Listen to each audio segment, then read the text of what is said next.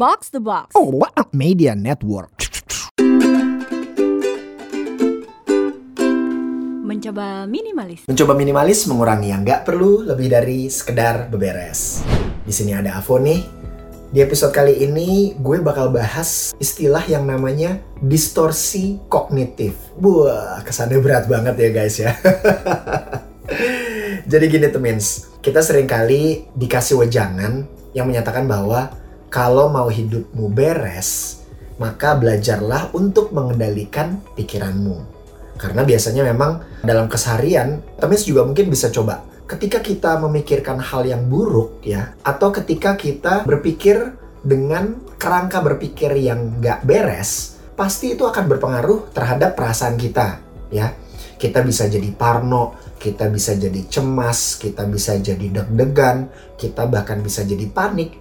Itu karena asumsi-asumsi yang ditimbulkan sama pikiran kita sendiri gitu. Nah, topik ini menarik karena menurut gue dalam keseharian pasti kita sering ya ngalamin ya yang namanya distorsi kognitif gitu. Jadi di sini gue dapat asupan referensi dari akun Instagram at the present psychologist ya. Jadi ini ada seorang psikolog dan juga penulis namanya Alf Lockertson.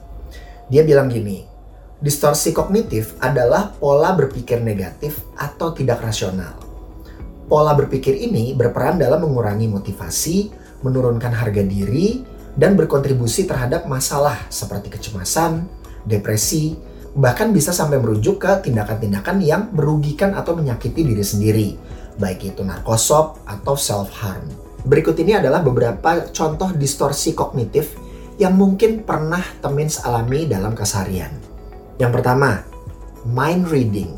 Mind reading ini adalah sebuah kecenderungan untuk berasumsi bahwa kita tahu apa yang dipikirkan atau dirasakan oleh orang lain.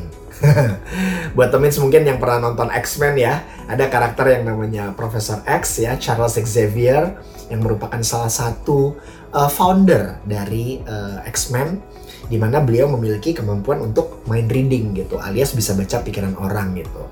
Nah, yang kita ketahui kan karakter ini hanya ada dalam fiksi ya. Jadi, ketika Temins mengalami atau memiliki kecenderungan untuk main reading, mungkin itu tandanya Temins mengalami apa yang dinamakan distorsi kognitif. Terus yang kedua, negatif fokus. Jadi negatif fokus ini adalah suatu keadaan di mana kita mengabaikan aspek positif dan hanya melihat sisi negatif dari sebuah hal atau peristiwa atau kejadian atau fenomena. Nah ini juga kayaknya temens begitu denger ini langsung pada batuk-batuk nih semuanya ya. Gitu merasa kesepet gitu. Distorsi kognitif selanjutnya adalah catastrophizing.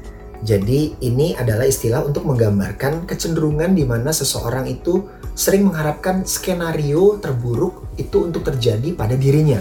Jadi memang sih ada pepatah yang menyatakan bahwa prepare for the worst, hope for the best gitu ya, atau sebaliknya gitu. Namun ketika pengharapan tersebut jadi berlebihan, tentunya akan mengakibatkan efek yang nggak bagus juga ya untuk kita. Trait selanjutnya adalah labeling. Nah, labeling ini adalah sebuah kecenderungan di mana kita melabeli diri sendiri atau melabeli orang lain secara negatif. Nah, distorsi kognitif selanjutnya adalah should thinking. Nah, should thinking ini adalah sebuah distorsi kognitif di mana seseorang itu memiliki aturan atau ekspektasi tentang bagaimana sesuatu atau seseorang harus bersikap. Gitu. Hal ini tentunya pasti akan banyak menimbulkan stres sama diri sendiri ya gitu karena kita akan cenderung beranggapan bahwa ya segala sesuatu harusnya gini nih, harusnya begitu tuh. Sementara kan dalam realitanya nggak semua hal bisa sesuai dengan keinginan kita ya. Nah, distorsi kognitif selanjutnya adalah overgeneralizing. Nah, ini adalah kecenderungan ketika satu peristiwa negatif terjadi, kemudian hal tersebut kita jadiin patokan dan kita merasa yakin bahwa itu adalah sebuah pola. Ini juga banyak terjadi ketika seseorang mengalami kegagalan atau misalnya musibah gitu. Di mana mereka akan cenderung mengeneralisasi hal tersebut dan menganggap hal itu adalah pattern yang sudah dan akan terus berulang.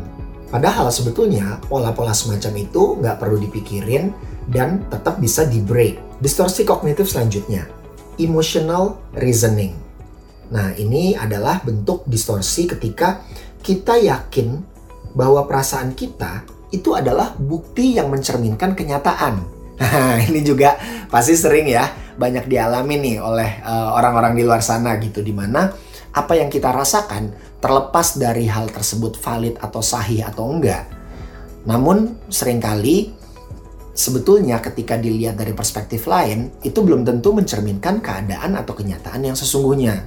Karena kita juga bisa tahu ya, yang namanya kenyataan juga memiliki banyak perspektif. Dan apa yang kita rasakan itu memang belum tentu sama persis dengan kenyataan yang terjadi. Nah, selanjutnya ada fortune telling. Ini adalah distorsi di mana ketika kita berpikir masa depan itu sudah pasti terjadi dan hasilnya tuh bakal seperti itu. Ini tentunya beda dengan merasa confident atau merasa bahwa segala sesuatu itu pasti niscaya akan kejadian seperti yang sudah kita perkirakan gitu. Nah, fortune telling ini tentunya pasti akan cenderung menyesatkan ya. Apalagi kalau misalnya dipakai sama temen buat judi. nah, selanjutnya ini ada personalization. Personalization ini adalah ketika kita merasa secara pribadi itu bertanggung jawab atau bersalah atas hal-hal yang nggak bisa kita kendalikan. Nah, ini juga penting nih, terutama buat temen yang mungkin pernah ngalamin atau lagi struggle sama self blaming, ya. Jadi ketika ada hal-hal yang nggak bisa kita kendalikan, kemudian e, hal tersebut membuat kita merasa bersalah, ya, membuat kita jadi ngedrop atau membuat kita merasa bertanggung jawab. Padahal bisa jadi hal tersebut juga yang memang terjadi di luar kendali kita dan kita dan kita juga belum tentu ada sangkut pautnya gitu dengan hal tersebut. Distorsi kognitif selanjutnya ada yang namanya owning the truth. Nah, ini adalah ketika kita yakin kita benar dan pendapat kita itu adalah kebenaran satu-satunya yang bersifat mutlak. Kayaknya ini pasti lagi sering temin sedenger ya ketika debat capres. nah, distorsi kognitif selanjutnya adalah just world thinking. Nah, ini adalah ketika kita berasumsi bahwa segala sesuatu yang ada di dunia itu akan balance dan adil. Karena kita juga harus sadar ya bahwa kenyataannya juga nggak seperti itu gitu. Dunia ini adalah uh, panggung sandiwara, dunia ini adalah medan laga yang cadas gitu dan memang masih banyak ketidakadilan yang terjadi dan ketimpangan yang terjadi. Nah, distorsi kognitif yang terakhir adalah control fallacy ini adalah ketika kita berasumsi bahwa kita bisa mengendalikan segala sesuatu di dalam hidup kita. Nah, kalau yang gue lihat juga ini merupakan salah satu distorsi kognitif yang mungkin paling sering bikin temin stres gitu karena ketika ada hal-hal yang nggak bisa kita kontrol, wah kemudian kitanya ngereok deh tuh. Oke, okay, dari sekian banyak distorsi kognitif tersebut, sebetulnya ada banyak cara untuk mengatasinya juga gitu. Tapi mungkin beberapa yang paling penting adalah pertama kita juga harus berlatih mindfulness alias menyadari apa yang sedang kita pikirkan, apa yang sedang kita rasakan dan ketika ada gejolak emosi atau ketika ada pikiran-pikiran tertentu yang muncul, kita sebaiknya juga berlatih untuk bisa mengambil jarak dari pikiran atau perasaan kita. Jadi di sini gue bisa mengajak temen untuk yuk kita sejenak tekan tombol pause and then kita bisa mengamati diri kita sendiri dari sudut pandang yang lain. Oh, apa sih? Misalnya, oh, gue lagi berpikiran atau lagi berasumsi kayak gini nih. Kenapa ya gue bisa berasumsi kayak gini? Atau, oh, gue lagi merasa seperti ini nih. Kenapa ya kira-kira sebabnya gue bisa merasa seperti ini gitu. Jadi, instead of kita larut dalam pikiran kita atau kita larut dalam perasaan kita, kita mengambil jarak, mengambil sudut pandang yang lain, dan kita coba mengamati hal tersebut. Ini memang gak gampang karena bedanya dengan komputer, kita sebagai manusia, hardware, software, dan operatornya itu berada dalam satu casing yang sama. nah, dari situ kita juga bisa mengenali distorsi-distorsi kognitif apa nih yang rasa-rasanya negatif gitu. Jadi kita harus ingat ya bahwa distorsi negatif itu akan mempengaruhi kita dalam pengambilan keputusan. Yang sering kali ketika keputusan buruk yang diambil, ya maka trajektori hidup kita juga pasti akan cenderung mengarah ke arah yang gak bagus juga gitu. Jadi minimal dengan mengenali distorsi kognitif ini, ya terutama yang negatif kita bisa memilah-milah oh sebetulnya yang gue pikirkan atau yang gue rasakan ini mungkin masuknya dalam ranah distorsi uh, kognitif yang negatif nih jadi gue bisa mengarahkan pikiran gue dan perasaan gue untuk bisa mengambil sisi lain yang lebih positif dan yang paling penting dalam hal ini adalah kita harus berani challenge our own thoughts alias kita harus berani mengkritisi atau menantang atau bertanya terhadap pemikiran kita sendiri gitu. Dalam arti bener nggak sih sebetulnya yang gue pikirin ini? Bener nggak sih sebetulnya yang gue rasakan ini gitu? Kalau temen misalnya memang perlu mengetahui sebuah hal atau perlu memahami sebuah hal yang memang memerlukan data, ya udah. Tekan tombol pause sejenak, cari dulu datanya ya. Cari dulu argumentasinya ya kan? Hal-hal yang bisa mendukung pemikiran atau perasaan tersebut gitu. Barulah kita bisa menilai dengan lebih baik gitu.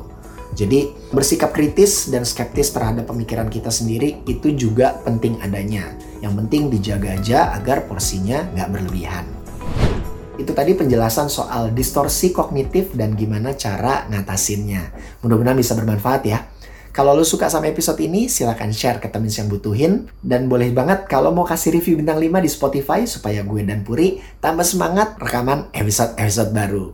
Kita ketemu lagi di episode yang akan datang. Apa caps? Mencoba minimalis.